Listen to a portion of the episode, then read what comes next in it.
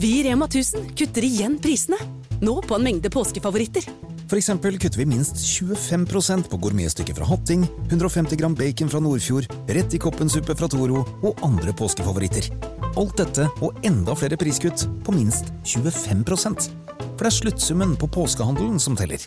Og husk at vi fortsatt har fryst prisen på over 1000 varer.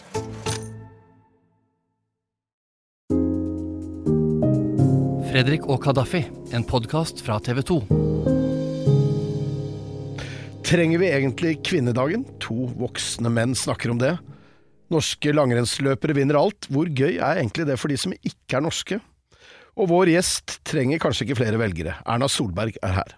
Du lytter til premieren av Fredrik og Kadafi. Det er 9. mars. Her i studio, Kadafi Saman. Hei, hei. Hei. Og meg, Fredrik Gressvik. Gratulerer med premiere, Kadafi. Vet du hva, dette er så gøy. Her sitter vi, og det er masse folk rundt oss som nå liksom eh, ja, venter i spenning. Ja, jeg håper masse folk hører på også. Hva har du gjort i dag? Vet du hva, jeg er jo litt sånn rutinemenneske. Så jeg våkner tidlig, dusjer, og så tar jeg 50 pushups. Selvskryt. Nei, det er sånn hangup jeg har. Det var en som sa at vet du hva, det må du ta, for da sitter skjorta så mye bedre. eh, og så spiser jeg to kokte egg. Og drikker te med kardemomme og honning. Hver morgen har jeg gjort det i 30 år. Flink gutt. Eh, Men du har også fortalt meg at du er litt rann på slankeren nå. Ja, fordi eh, han fyren som sa det med skjorta og pushups, sa ikke at vet du hva, etter hvert, det hjelper ikke mot magen. Nei. Så nå har jeg begynt å få mage, så nå må jeg finne på noen andre ting. Situps. Ja, og har du noe mål, eller? Ti kilo i løpet av en måned. Ti kilo på en måned. Ja. Og det, det, betyr at du ikke kan spise noen ting. Da. Jo, jo. Jeg skal trene. Sånn okay, seriøst. Jeg, Dette er sånn seriøst. Jeg, jeg har lyst til å utfordre deg, men altså, jeg blir ikke med på ti kilo, men Vi, vet du hva, vi skal ha en sånn derre vekt. Vi, jeg tar halvparten. Du er i gang med en ny sesong av eh, Bak fasaden. Vi gleder oss, jeg og Janne Amble, eh, sesong fire, hvor det skal lages seks episoder. Akkurat nå driver vi og tenker på hva skal vi lage, hva skal vi ikke lage. Eh, hvem kan vi intervjue, bla, bla, bla. Liten prosess, og det kommer på lufta januar 2024. Jeg gleder meg. Men før det, kan ikke du fortelle hva du har gjort, for du har vært i København? Jeg har vært en tur i København og en liten by utenfor København som jeg ikke kan fortelle navnet på. Jeg har møtt uh, koranbrenneren Rasmus Paludan.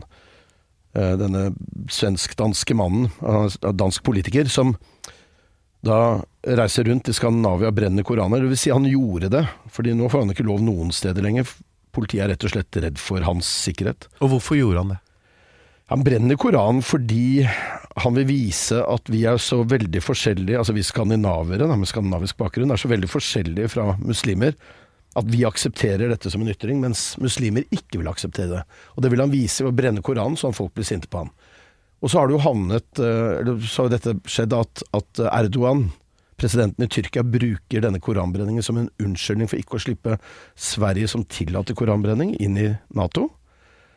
Ehm, og da har Paludan bestemt seg for at han skal brenne koraner i Stockholm, så lenge han har mulighet til det, helt til Erdogan gir seg og slipper Sverige inn i Nato. Så det står litt fast, det svenske medlemskapet i Nato, og det henger litt grann på han. Og han dro du, eller du fikk faktisk avtale med han. Fikk en avtale med han, det var litt kronglete. Han, eh, han eh, er jo godt bevokta, det er veldig mange som har lyst til å ta ham av dage. Masse trusler rundt ham. Men jeg fikk beskjed om å møte opp i København, på et hotell, være der tidlig om morgenen. Det kom en fra PET, som er Politiets efterretningstjeneste i Danmark, altså samme som PST her hjemme. Eh, De kom og eh, fikk en kopi av passet mitt. Og så gikk det et par timer, og så fikk jeg beskjed om å møte opp på en jernbanestasjon, en liten by utenfor København. Da kom jeg til en jernbanestasjon, jeg sto der i noen, ja kanskje et minutt, så kom det en fyr gående forbi, en sivilist. Så sier han 'Fredrik, følg meg'. og det er da politiet, eh, antok jeg da. Som da, jeg følger bare etter, og så går vi gjennom et kjøpesenter, ned en kjeller, en matbutikk, gjennom en matbutikk og inn i en garasje. Og der ble jeg ransaket, utstyret gjennomgått, og så er det inn i en bil. Hva er de redd for da? Altså Hvorfor gjør De de er jo alt redd for at noen skal komme med en bombe eller våpen eller et eller annet og prøve å ta livet av han. Altså noen som er- følger etter deg? Ja, det kan, ja, ja de, de har nok sjekka meg ut på forhånd. eh, Men eh, det kan jo hende at de engster seg for alle. De tar forhåndsregler. Men noen kunne ha fulgt etter meg. Det kunne være at jeg hadde sagt til mange at jeg skulle intervjue ham. Ja. Eh, Så kjører vi ned en annen kjeller, og der står det en fyr og holder en heis oppe, opp i etasjene, og da er vi plutselig på et hotell, og da er det en mann med tralle som ser ut som han jobber på hotell og går i uniform, som plutselig sperrer hele gangen med den trallen full av laken og håndklær. Det er film, dette her. Dette er som å være med i en, eh, en film. Idet de åpner døren inn til hans rom, og da er det sikkert syv-åtte, mange vakter involvert i dette her. Og så sitter han da, og det er klar til å bli intervjuet. Og han, han bor jo ikke på det hotellet, han fraktes jo vekk. Før jeg er ute av bygget, så er han ute, han også. Hvordan hilste dere? Sa du Cameloso, eller hva, hva sa du? Nei, altså jeg, jeg er høflig med alle intervjuobjektene mine. Eh, også de jeg nødvendigvis ikke liker. Jeg, altså, jeg har brukt 30 år på å treffe utrolig mange mennesker jeg ikke liker. For så du uansett sånn... hva jeg syns om intervjuobjektene, så pleier jeg å hilse høflig. De skal jo tross alt stille opp et intervju for meg. for du er ikke sånn du, du, du, du er ikke enig i koranbrenning? Nei, hvis jeg hadde vært det, så hadde jeg jo aldri sagt det heller. Selvfølgelig eh, så synes jeg at eh, det er viktig at folk får lov å bruke ytringsfriheten sin. Men jeg tenker at eh, all ytringsfrihet kommer med et stort ansvar. Eh, og det var et av de spørsmålene jeg hadde til han. Du har jo vist nå at du kan brenne koraner. Er det virkelig nødvendig å gjøre dette igjen? Vi ser jo nå annet det som skjedde denne uka, er at i Sverige så har eh, politiets, altså PST i Sverige, da, de har økt eh, den beredskapsnivået nå. Fordi de mener at det er større sjanse for at det kan komme et eh, angrep mot svenske interesser i løpet av den neste tiden, som følge av denne koranbrenningen. Mm. Og det samme sier jo altså vår PST, Politiets sikkerhetstjeneste. De har en sånn årlig trusselvurdering som de legger fram. Liksom, hva kan skje i løpet av året? Sånn, se inn i spåkula. Og der skriver de i år Brenning og kjenning av Koranen er eksempler på hendelser som vil oppleves krenkende eller provoserende. Og det de tror er at når slike hendelser finner sted i Norge, øker sannsynligheten for radikalisering, og i ytterste konsekvens terrorplanlegging mot Norge. Så det er jo på en måte veldig alvorlig, dette her. Dette var også noe jeg konfronterte ham med. Jeg spurte, spurte ham altså, hvorfor gjør du dette. Altså, han mener at eh, muslimer ikke kan integreres i det skandinaviske samfunn. Eh, og da sier jeg jo det til han, ja, men du gjør jo absolutt ingenting for å hjelpe til med den integreringen. Det du gjør nå er jo også så splid, altså lage en større avstand mellom, eh, mellom grupper på yttersidene. Eh, men han mener at det ikke er hans problem, da. At mm. det er da eh, Du, bare før vi går vekk fra Koran. eh, Du har jo flytta til Oslo. eh, Ny leilighet, masse bøker på slep fra Bergen. Og der var det jo noen koraner. Ja, jeg har fått noen koraner opp gjennom tidene. Jeg har til og med kjøpt en, og jeg har lest den. Eh, Men jeg hadde litt mange utgaver, og så var jeg en sånn ryddeprosess. Jeg skal bli kvitt bøker. Og noen bøker kastes, noen leverer jeg til sånne eh, antikvariater. Eh, Men, jeg, men den Koranen ble jeg veldig sånn usikker på hva jeg skulle gjøre med. Jeg har jo ikke lyst til å Kasten. ha det på meg at jeg har kastet en koran. Eh, Så jeg tok med den på jobben og ga den til deg, jeg. Men den var på tysk. Den var på tysk, så det er den jeg har minst glede av, kan du si, av de koranene jeg hadde. Kan du tysk? Ich habe Deutsch im Schule ja, fint. Men eh, du har lest den? Jeg har lest Koranen. Jeg er jo superflink Ja, muslim. Ja, ja. ikke av det habe. Vi skal skifte tema, vi. Eh, norske langrennsløpere, norske altså, skifolk, de tar jo alt som er av eh, gull, nesten. Velkommen hit i studio, kollega Karoline Simonsen. Takk for det. Hvor, hvor mye gull er det Norge tok med seg fra, fra Planica nå, i VM? Eh, de tok vel eh, 15 gull i, i Planica, tror jeg det ble. Eh, en enorm eh, mengde medaljer i tillegg, da. Eh, så vi ble jo beste nasjon med veldig stor margin ned til våre svenske naboer, som eh, tok nest mest. Men hvordan føles det som nordmann? Er det sånn 'yes, vi vinner hele tiden', eller er det litt pinlig? Ja, altså det er jo litt pinlig. Det syns jeg. Det, mm, langrenn er jo en fantastisk idrett, og nordmenn elsker å se det. Men det er klart, hvis man ikke har noen å konkurrere mot på ekte, så blir jo ikke gleden av å vinne like stor heller. På herresida i langrenn, spesielt i kombinert, så er vi så overlegen at eh, jeg vet ikke helt om folk gidder å skru på engang, fordi de, de bare lurer på hvilken av nordmennene som vinner til slutt. Og det er klart, eh, når man driver med konkurranse og liker idrett, så er jo det, da tar jo det bort nesten det viktigste elementet. Men hvor mange land er det altså, som er på en måte i topp der? I toppen i langrenn så er det jo egentlig På herresida ett, det er Norge. De tar gull, sølv, bronse stort sett. Um, på damesida så er det litt flere. Uh, Norge, Sverige, Finland, USA. Så har du jo selvfølgelig Italia, Frankrike som prøver seg. De tyske damene tok en viktig sølvmedalje på stafetten. Så det er liksom det, det, det er litt mer bredde på damesida akkurat nå. På herresida så er vi fullstendig overlegen. Men hva, hva skyldes dette? Er det fordi de har de dyreste og feteste smørbussene? Eller er det bare fordi de har trent utrolig mye? Eller en kombinasjon? Antakeligvis Antageligvis en kombinasjon. Eh, det som er viktig å huske på, er jo at russerne er utestengt. De som har vært våre, eh, altså de norske sterke konkurrenter de siste årene, de er russiske. Og de får jo ikke lov å konkurrere nå, av helt naturlige årsaker. Um, og så har vi selvfølgelig det beste utstyret. Vi har eh, mest ressurser. Eh, vi har de flinkeste smørerne. Um, og så er det en uh, treningskultur på herresida i Norge nå som er så sterk at uh, det har ikke vært det på mange år.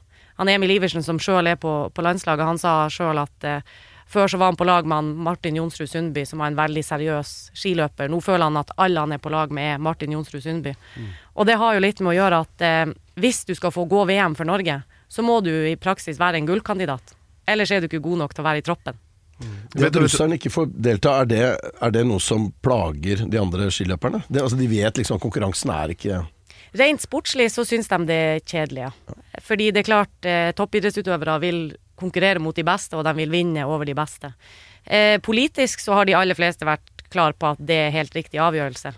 Men eh, de vet nok at når de tar de gullene som de tok i Planica nå, eh, så gjør de det uten at sine sterkeste konkurrenter har stått på start. Jeg må bare si en ting. Altså, jeg spiller jo litt cricket av og til. Jeg står på ski, altså, men eh, jeg spiller litt cricket òg. Og det er jo en stor idrett ute i den store verden. Så før jeg kom hit, så satt jeg og tenkte liksom OK, eh, eksempel eh, hopp. Altså hvor mange hoppere har vi? Skihoppere i Norge. Så jeg sendte en melding til um, Norges Skiforbund. Og nå tikka det inn et svar.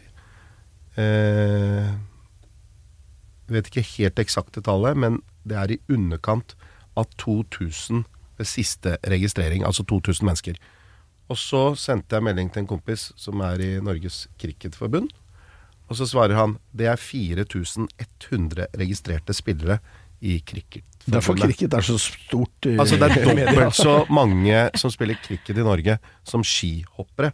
Men så sier han noe morsomt. Eh, vi har altså aldersbestemte landslag, kvinnelandslag. Men vi har ikke noe nasjonalt anlegg, og vi har heller ikke noe innendørs anlegg. Altså, så det er dobbelt så mange, men de har ikke steder å spille. Det er jo litt sånn sjukt. Ja, det er jo et paradoks. Det er jo mange som, hvis de hadde fått akkurat det spørsmålet på gata, tror du det er flere skihoppere enn cricketspillere i Norge, så hadde de svart ja uten å nøle. Men skihopp er jo en veldig liten idrett. Ehm, det er veldig få som driver med det. Før var jo det en folkesport, det var hoppbakker i alle kriker og kroker. De fleste av dem er, borte, det er de store anleggene som står igjen. Men eh, det å drive med skihopp, det er ganske spesielt. Det er det ikke mange i verden som gjør. Nei, du gjør ikke det. Nei, jeg, jeg, har, jeg har hoppet på ski, men jeg har aldri vært en skihopper. Men jeg har hoppet i samme bakke som Altså det, Nå er det jo ingen på min alder her inne akkurat nå som vil få med seg dette, men Karl Schnabel og de store internasjonale hopperne fordi de, de, det var den lokale bakken eh, der jeg kom fra, hvor de hadde fått flombelysning, og det var dagen før Holmenkollrennet eller noe sånt, eh, da, eller Holmenkollhopp eller hva det heter. Og da hadde de alle de internasjonale hopperne der, så de var og hoppet de også i Men- samme bakke samtidig som meg, eller samme dag da. Men står du på langrenn? Jeg står på langrenn når jeg må. Du har, bodd i, du har jo bodd i Bergen har i alle bodd i Bergen i 30 år. Altså, Er du klar over hvordan skiføre er i Bergen? Jeg har stått på langrenn Jeg har liksom vært nødt til å ta med dattera mi opp på fjellet, da, så har vi stått på ski. Men det, det er en stund siden sist. Jeg bodde i Bergen og Washington. Nå er jeg tilbake i Oslo, så jeg kan jo ta opp igjen det, da. Nydelig. Gleder meg. Gleder meg. Men du, jeg har noen k- cricketspørsmål til deg nå, fordi jeg har jo sett det på, på TV. Jeg har faktisk sett folk spille cricket òg. Jeg har vært på reiser i Pakistan og India. Og jeg, det ser jo veldig sånn Altså, jeg skjønner jo ikke noen ting. Nei, det er jo ikke de som fant på dette. Dette er jo Ja, det britenes jeg, eh, britene. oppskrift, holdt jeg på å si. Og britene har jo en tendens til å finne opp de sykeste, eller rareste, merkeligste, forskrudde idrettsgrener. Dette er jo den eneste idretten med tea break, tror jeg. Så de har sånne tepauser U underveis. underveis, ja. ja. Ja. Tror jeg det. er- Ja. Jeg er ikke Men så hva god. spiller du? Er du liksom Nei, vet du hva, er, jeg er skrøt meg. Jeg spiller jo, er egentlig, fotball, og så sto jeg en del på langrenn. Jeg ble jo utsatt for litt sånn hets for noen år siden. Hvor det var en dame fra Sian, denne her antimuslimske gruppa, Ja. som ropte og skreik ja, 'Hva gjør pakistanere i Norge?' Du tok utfordringen. Ja, og så gikk det noen måneder, så hadde jeg kjøpt nye ski. Um, og nye skiklær, og så tenkte jeg jeg må brife litt. Og så kom jeg på plutselig Oi, faen, hun som spurte om det. Og da lagde jeg en sånn liten video, selfie. Med jo, hva gjør pakistanerne i Norge? Jo, vi står på ski, og vi koser oss og nyter naturen. Og det ble jo en sånn eh, sosiale medier-hit.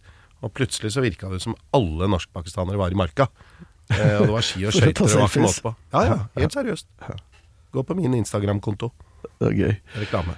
Vi skal skifte tema til kvinnedagen. Um, men før vi gjør det helt, så er det sånn at uh, denne helgen så går kvinner for første gang femmila. Er det noe de gleder seg til? De grugleder seg nok til det. det har jo vært eh, sånn denne sesongen på langrenn at kvinner og menn skal gå like langt på ski. Um, og i de fleste tilfellene så har det gjort at eh, mannfolkene går litt kortere for å gå like langt som damen. Men akkurat på femmila, som da har vært tremila for damer før, så er det bestemt at de heller skal gå to mil lengre. Eh, og det er klart, vi prata jo med VM-utøverne som hadde gått tre mil i Planica nå, og de er ganske kjørt etter det, altså. Det er 30 km i ganske godt tempo. Og så sier jo alle herrer nå at det er etter tre mil du begynner å kjenne det. Så nå skal de jo liksom gå, eller manndomsprøven som man har kalt det før, da. Også fordi at man er blitt opptatt av, av likestilling og vil at det skal være likt, så kommer en skikkelig test for damen på søndag. Så vi er veldig spent å høre hva de syns om det. Nå er det en stund siden jeg har gått på ski, men jeg mener å huske at jeg kjenner det før tre mil. Jeg vet ikke om du er helt samme kategori som dem som skal gå i Kollen i helga. Takk for det. Eh, Gaddafi, trenger vi kvinnedagen? Vet du hva, det gjør vi absolutt. Og det er klart eh, Du har jo reist masse, jeg har reist litt. Og jeg må ærlig innrømme at i går Jeg gratulerer alltid alle damer jeg møter. Ringte min mor. Men i går så satt jeg og tenkte på Altså den modigste kvinnen jeg har møtt i mitt liv. Det er Benazir Bhutto. Hun var eh, verdens første kvinnelige muslimske statsminister i Pakistan. Ikke én gang, men to ganger. Hun er død. Hun ble til slutt drept av terrorister. Eh, Etter flere forsøk. etter flere forsøk. Ekstremt modig dame.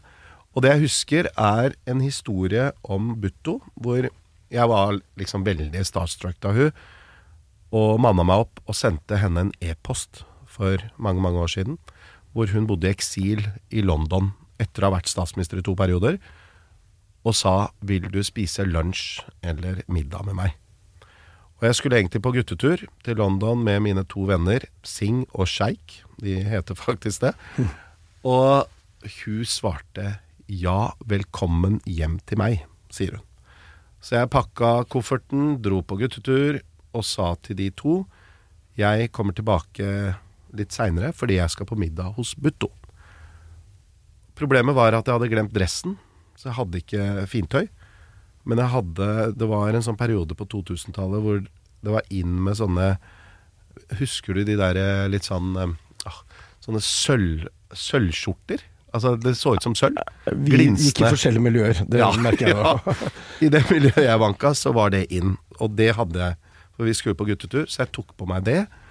Og så ringte jeg noen og spurte de to hva skal jeg ha med. Skal jeg ha med blomster? Sjokolade? Altså, hva tar du med til Butto? Eh, denne kvinnen som hadde studert ved Oxford og Harvard. Ordentlig eh, ja, verden, Et idol da, for mange kvinner i verden. Og de var bare ja, ikke ta med sjokolade, det er for mye. Men blomster, det er innafor. Og så drar jeg hjem til Butto, og vi spiser middag, vi to. Og hun bare 'hva driver du med?' Og da var jeg sånn nei, jeg drømmer om å bli journalist. Dette var rett før jeg ble reporter. Og hun bare 'du må satse på drømmene dine', osv. Og sju år seinere så dro hun tilbake til Pakistan i 2007 for å prøve å bli statsminister for en tredje gang. Og så ble jeg drept noen måneder etterpå. Så hun tenkte jeg på i går. Og jeg tenkte for en fantastisk modig dame som sto opp mot liksom Du har jo vært i Pakistan mange ganger. Et ekstremt mannsdominert samfunn, og som aldri ga seg. Men visste du at én av fem Nå ble jeg litt sånn rørt, jeg nå, av meg sjøl. Ja, men bra. Én av fem En av fem eh, nordmenn mener at vi ikke trenger kvinnedagen. De har ikke peiling. Nei, eh, de tenker kanskje at vi ikke trenger kvinnedagen i Norge, men vi gjør det i Norge også. Eh, Det er fortsatt slik at eh, jenter, kvinner, ikke alltid føler at det er trygt å gå aleine på byen. Altså gå hjem eh, etter en sein kveld. Eh, Det er sånn at det fortsatt er menn som tjener mest penger, at det fortsatt er menn som dominerer styrerom og høye stillinger i de største bedriftene. Og sjef, jeg må bare skyte inn, altså sjefene våre De er jo er kvinner, stort sett. Der står Maja i kroken. Hun er sjefen vår, som har sørga for at vi er på lufta. Pernille som står der, som sørger for at vi er på sosiale medier. Og Karianne, Karianne. vår store sjef. Ja. Men sånn er det jo ikke overalt. Ikke overalt. Så TV 2 er kanskje ikke et bilde av eh, de store bedriftene. Kanskje vi har, eh, har bedre gjør det bedre i TV 2, da. At ledelsen gjør det bedre der. Men så er det de som utsettes for øh, vold også når det er krig. Vi ser nå også fra Ukraina, så kommer det meldinger om at kvinner er spesielt utsatt øh, i, i krigssituasjoner. Når det gjelder overgrep og voldtekter. Uh, og for halvannet år siden så var jeg i Kabul da Taliban tok over makten. Etter 20 års 20 år med, med amerikanskledet uh, okkupasjon av landet, eller amerikanskledet tilstedeværelse, hvor man trodde man skulle klare å endre det landet.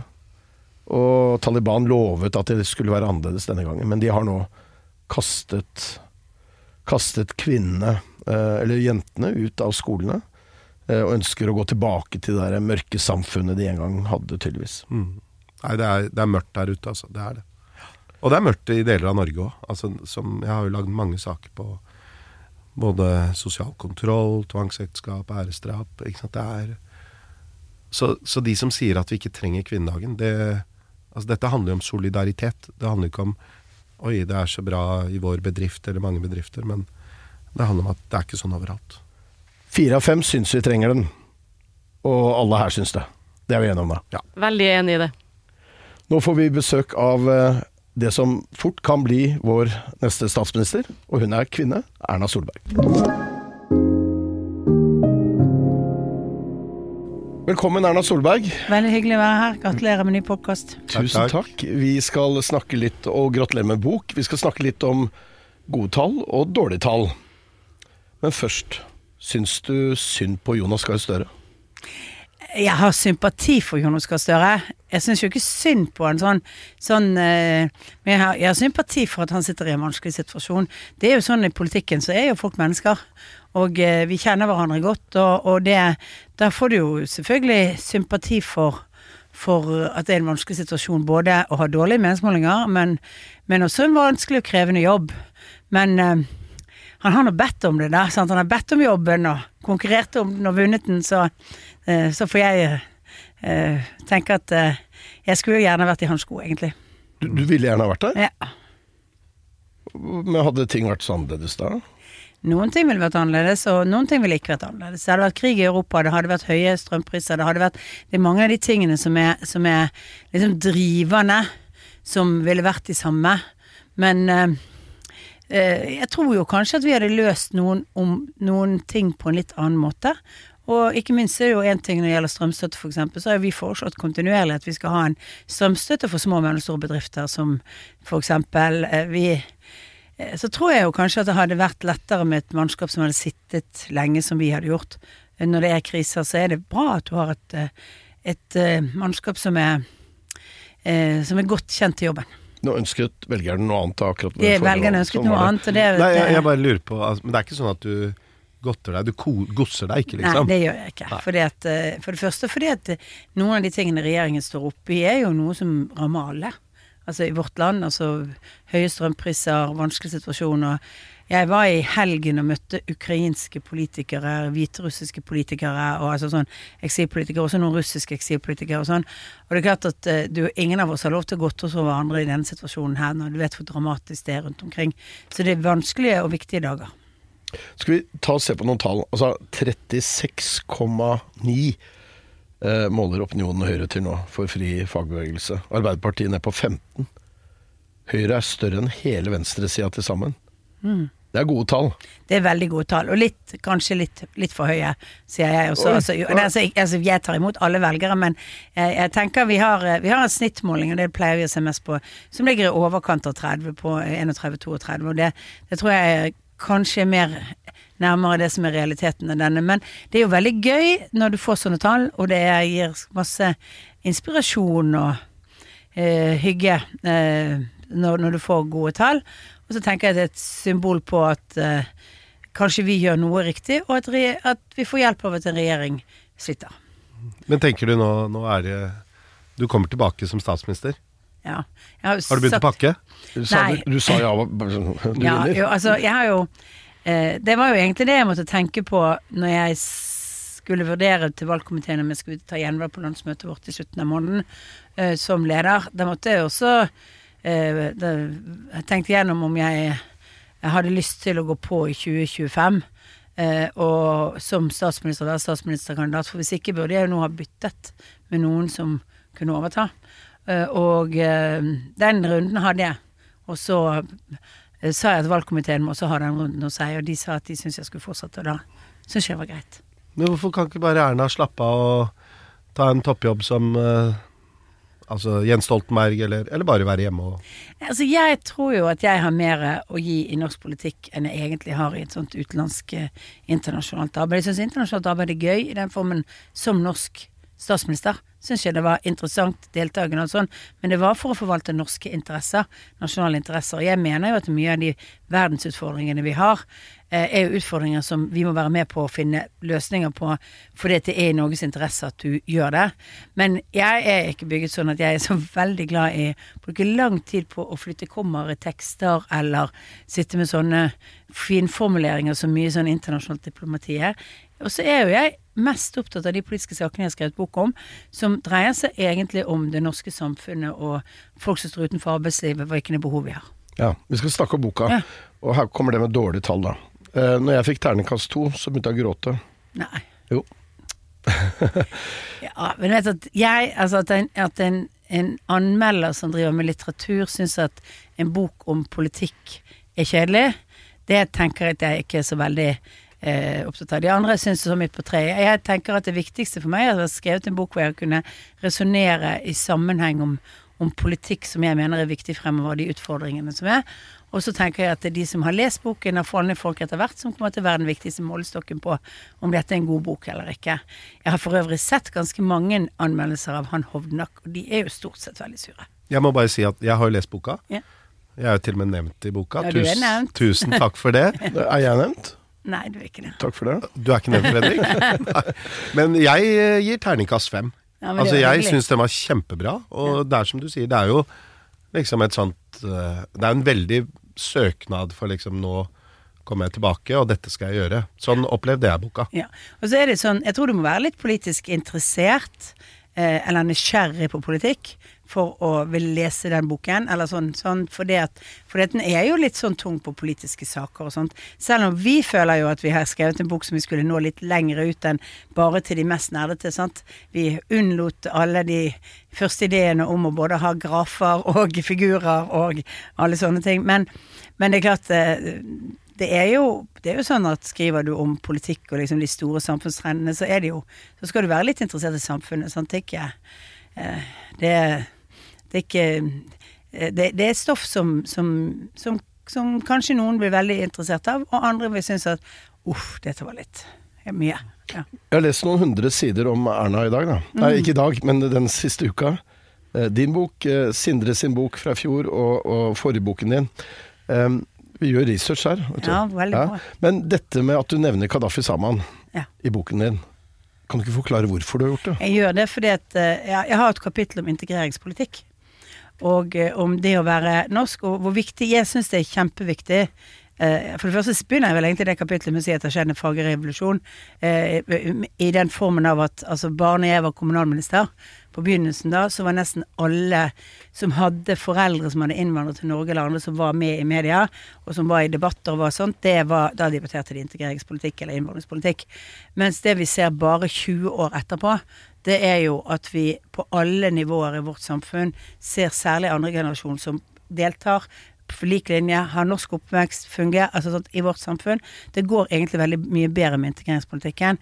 Og så nevner jeg jo det fordi når du ble arrestert satt i fengsel, så rykket jo faktisk eh, eh, Christian Tybring-Gjedde ut og sa vi må hjelpe alle nordmenn, og nå måtte regjeringen stå på for å få Kadafi ut. sant? Altså, Bare, bare si at dette var i Pakistan, da. mens Pakistan, ja. han var I på- 2018. Ja, ja, 2018 Ja, det, det er sånn alle, alle vet jo selvfølgelig ikke det. Men, men eh, Og jeg syns det på en måte er litt fint, for veldig ofte så har jo, har jo Christian vært en av de som er litt sånn negativ i forhold til, til, eh, innvandring, til, til integrering og til alle disse spørsmålene og sånn. Men han var førstemann som da definerte det som nordmann. Men jeg sier det også med en tanke, også fordi du har vært hjemme i alle folks stuer.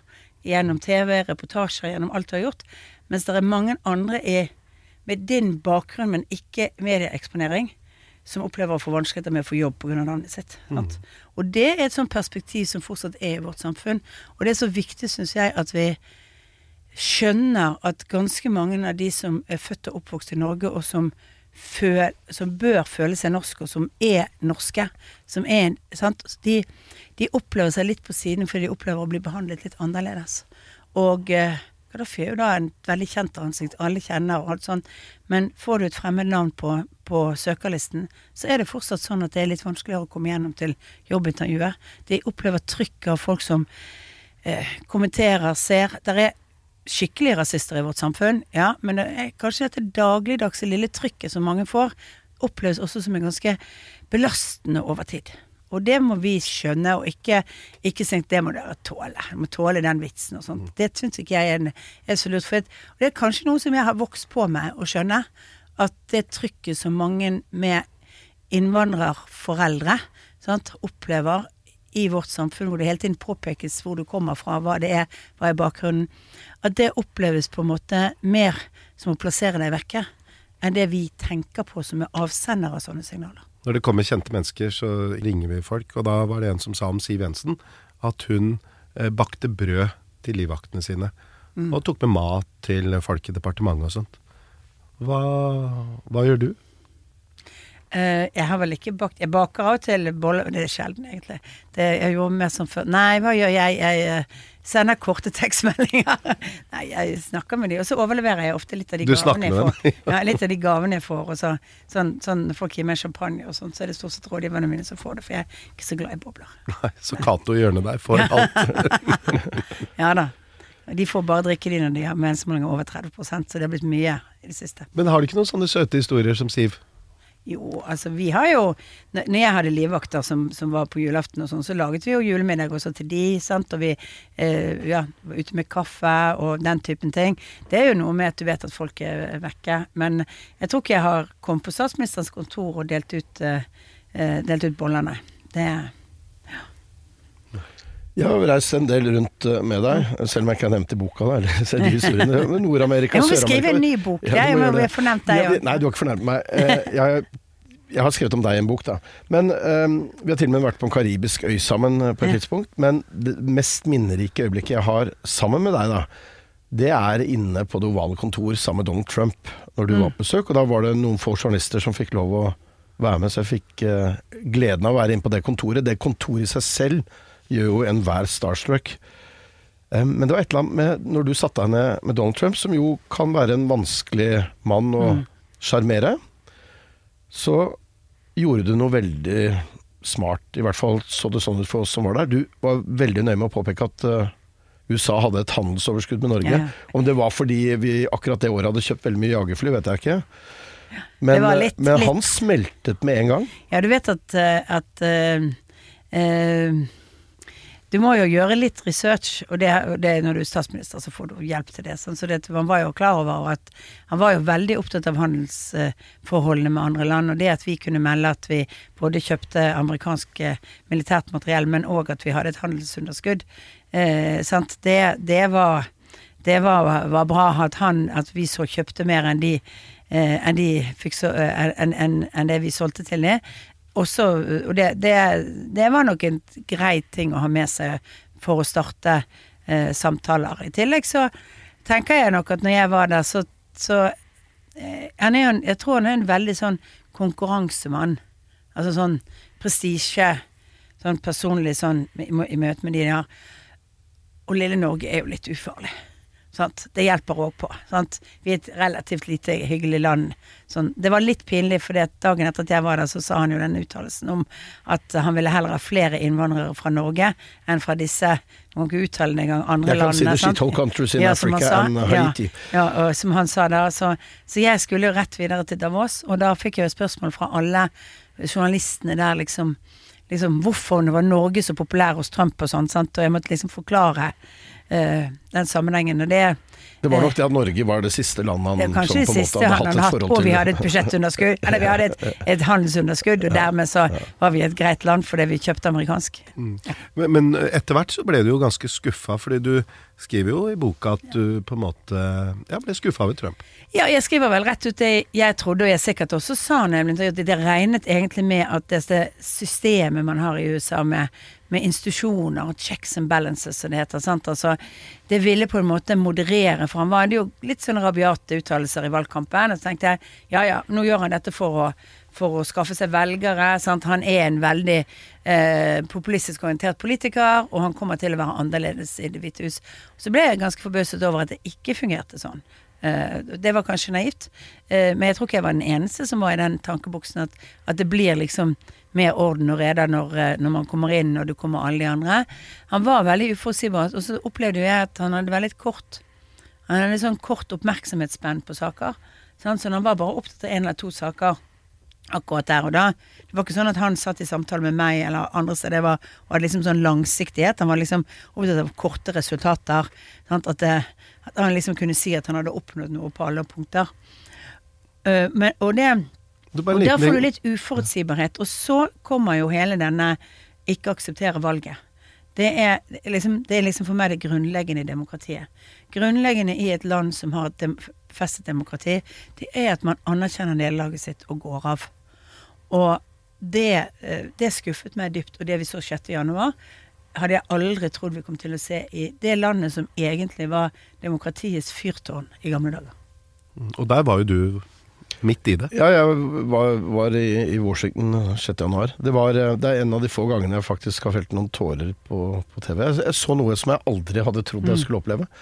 Eh, altså Det som akkurat da føltes som et demokrati i fritt fall. Eh, Vi har jo sett at det har, det har overlevd også 6. januar, og det kan hende at det, det, på en måte styrker demokrati på sikt, eh, fordi man tar tak i en del av dette her. Men den polariseringen som eh, Trump bidro til, og den desinformasjonen som han kom med, eh, du at den har forplantet seg til eh, europeisk politikk, eh, til det- norsk den- politikk. Den, den har forplantet seg på den måten at den har, har eh, bidratt til eh, konspirasjonsmiljøer både utenfor Norge, som også kommer inn i Norge litt. Sant? Altså, og det, det gjør jo jeg også at jeg sier litt om media, og særlig om NRK i, i boken, om at nå er jo tiden inne for at man, når vi lever i en sånn verden som er mer konspirasjonsorientert, hvor det er større fare for, for polarisering og splittelse som vi ikke er immune mot heller, så er det jo sånn at når vi har en storstatsfinansiert eh, eh, TV-kanal og radiokanal og mediehus,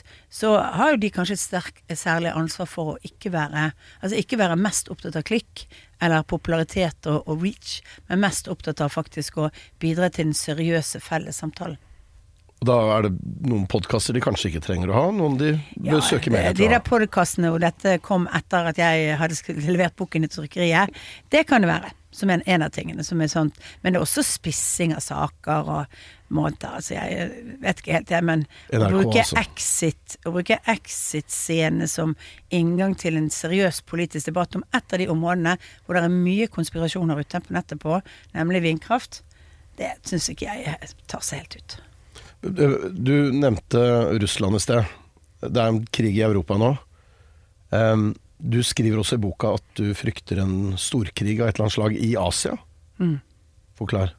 Altså jeg skriver om det at hvis det skulle skje, sant, så vil jo det ha enda større og mye mer eh, dominerende effekt på vår økonomi og på, på vårt samfunn enn det vi nå ser i forbindelse med Ukraina-krigen.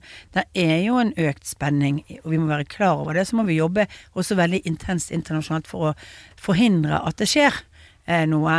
Og det kan være at en løsning i Ukraina på ukrainernes premisser er det som må til, også for at kineserne og og tendensen der til mer militarisering eh, eh, bremses, for man ser liksom også at, at, at, man, at Russland ikke vinner frem. Så det har et formål også med å hjelpe Ukraina i, i også i det perspektivet, fordi det vil også kunne holde kineserne litt mer tilbake. Erna, i løpet av de åtte åra du var statsminister, møtte du Putin? Ja, jeg møtte Putin. Jeg hadde pu møte med Putin i 2019, var det vel? Kanskje det var 2018. I, i Leningrad i forbindelse med en sånn stor konferanse eh, som de har, altså i St. Petersburg. Eh, St. Petersburg-konferansen.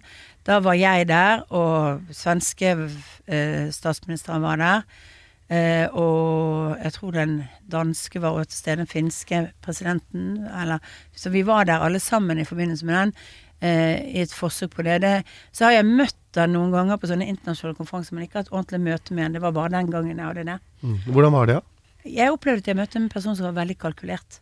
Altså at han egentlig drev på og veide på hvem jeg var. Altså litt sånn eh, Om det var noe hold.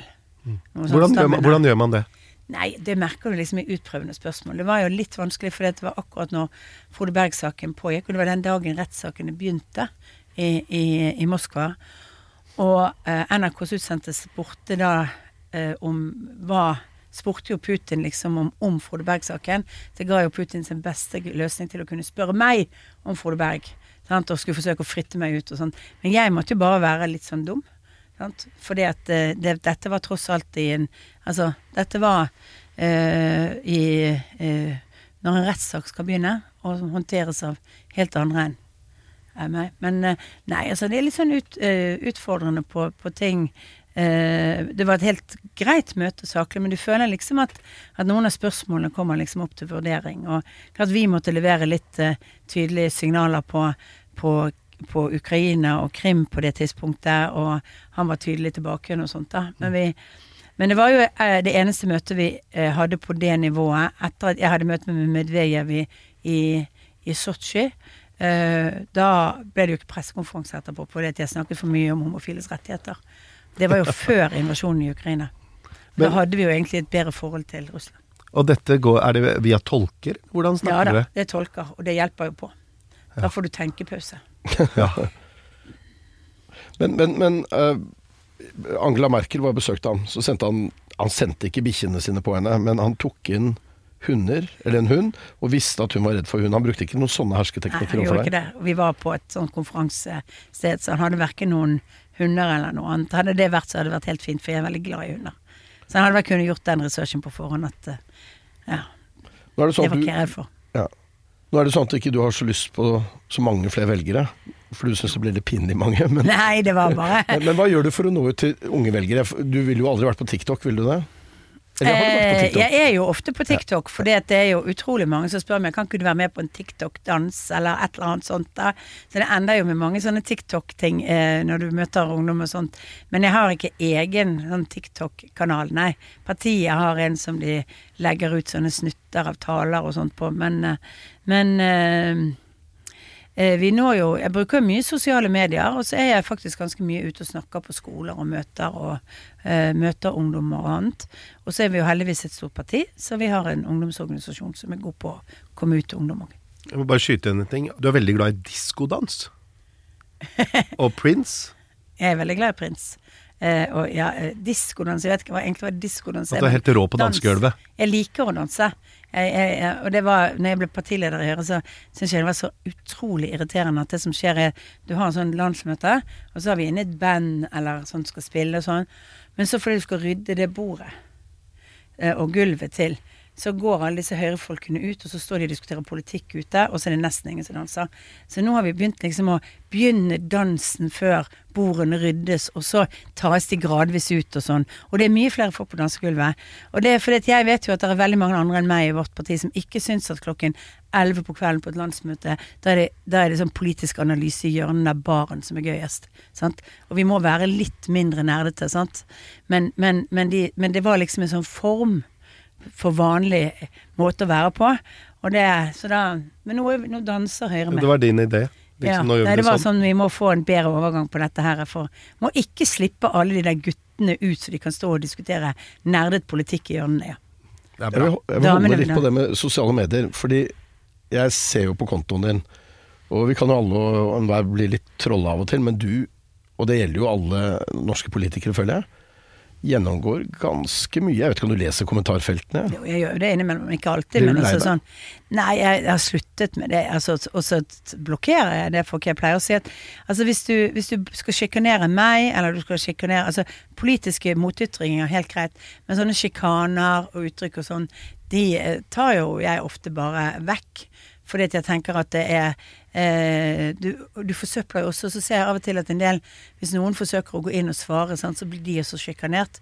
Så sånne folk ender opp eh, med at de enten får skjult eh, synspunktet sitt. Det er jo det enkleste. Så får de skjult synspunktet, så, det, så tror de at de er der, men de er der ikke.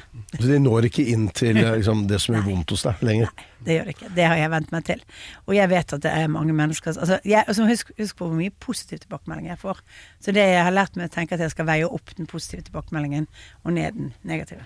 Men gjør du det sjøl? Altså, er det Jeg du litt, som også, går Ja? Jeg gjør litt, og så gjør Det er litt avhengig av når og hvor ting er lagt ut og sånn. Av, og så av og til så gjør vi Vi har jo folk i rådgiverne, sånn, særlig på SoMe og andre, som, som, eh, som, som liksom Når vi har lagt ut noe, følger litt med. Det er jo også for å monitorere at det ikke står ting som faktisk er ulovlig, og, og, og sånn på det på nedover, for å ta vekk eh, ting. Jeg, har, jeg hadde en veldig mye mer tolerant holdning for noen år tilbake. Jeg tenkte jeg liksom la folk få utløp for alt. Men, men det var av og til Altså, jeg kunne ikke ha at det sto drittstygge ting om, om, eh, om andre politikere på, på mine sider. Og da begynte jeg å ta det vekk. Vi nærmer oss slutten nå, men eh, hvorfor i all verden har du lyst til å bli statsminister igjen? For det, hvis du er interessert og ønsker å påvirke utviklingen av Norge, så er det den jobben du har størst mulighet for å gjøre det. Det er ingen lett jobb, det er krevende arbeid. Men eh, jeg har aldri søkt at ting skal være lett i livet. Det skal være meningsfylt. Gratulerer med ny bok, og gratulerer med 36,9. Takk skal du ha. Tusen takk for at du kom Hyggelig til oss. være. Veldig hyggelig. Og lykke til videre. Takk. Takk til en Erna Solberg som kanskje har litt for mange velgere, og TV 2-reporter Caroline Simonsen. Her i studio satt Kadafi Saman for anledningen uten sølvskjorte og Fredrik Gressvik. Teknisk ansvarlig Mikael Skorbakk. Produsent Maja Gjertum. Redaktør Karianne Solbrekke. Vi høres om en uke.